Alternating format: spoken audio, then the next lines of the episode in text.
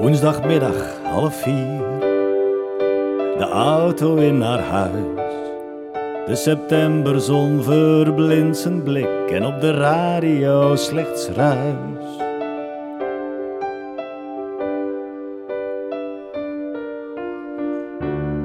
Hij had gelikt, gelakt, gestreken, verdund, geschuurd, gebrand. Soms niet te nauw gekeken, bij gebrek aan afplakband. Zo onderhield hij het kozijn en de deur van menig huis. Maar echt genieten kon hij zelden, want hij was eigenlijk nooit thuis. Hij leefde goed, een hypotheek, voor hem geen last. Maar in de buurt stond hij bekend als Willem de rare kwast. Zijn gedachten laten langzaam los, ze hechten zich niet meer.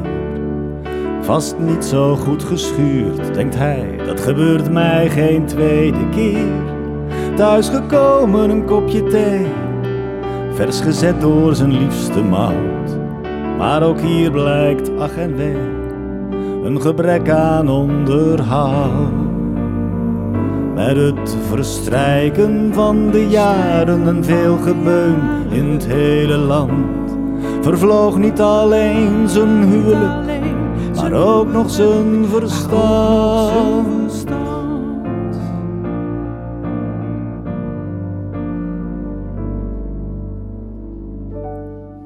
Woensdagmiddag half vier.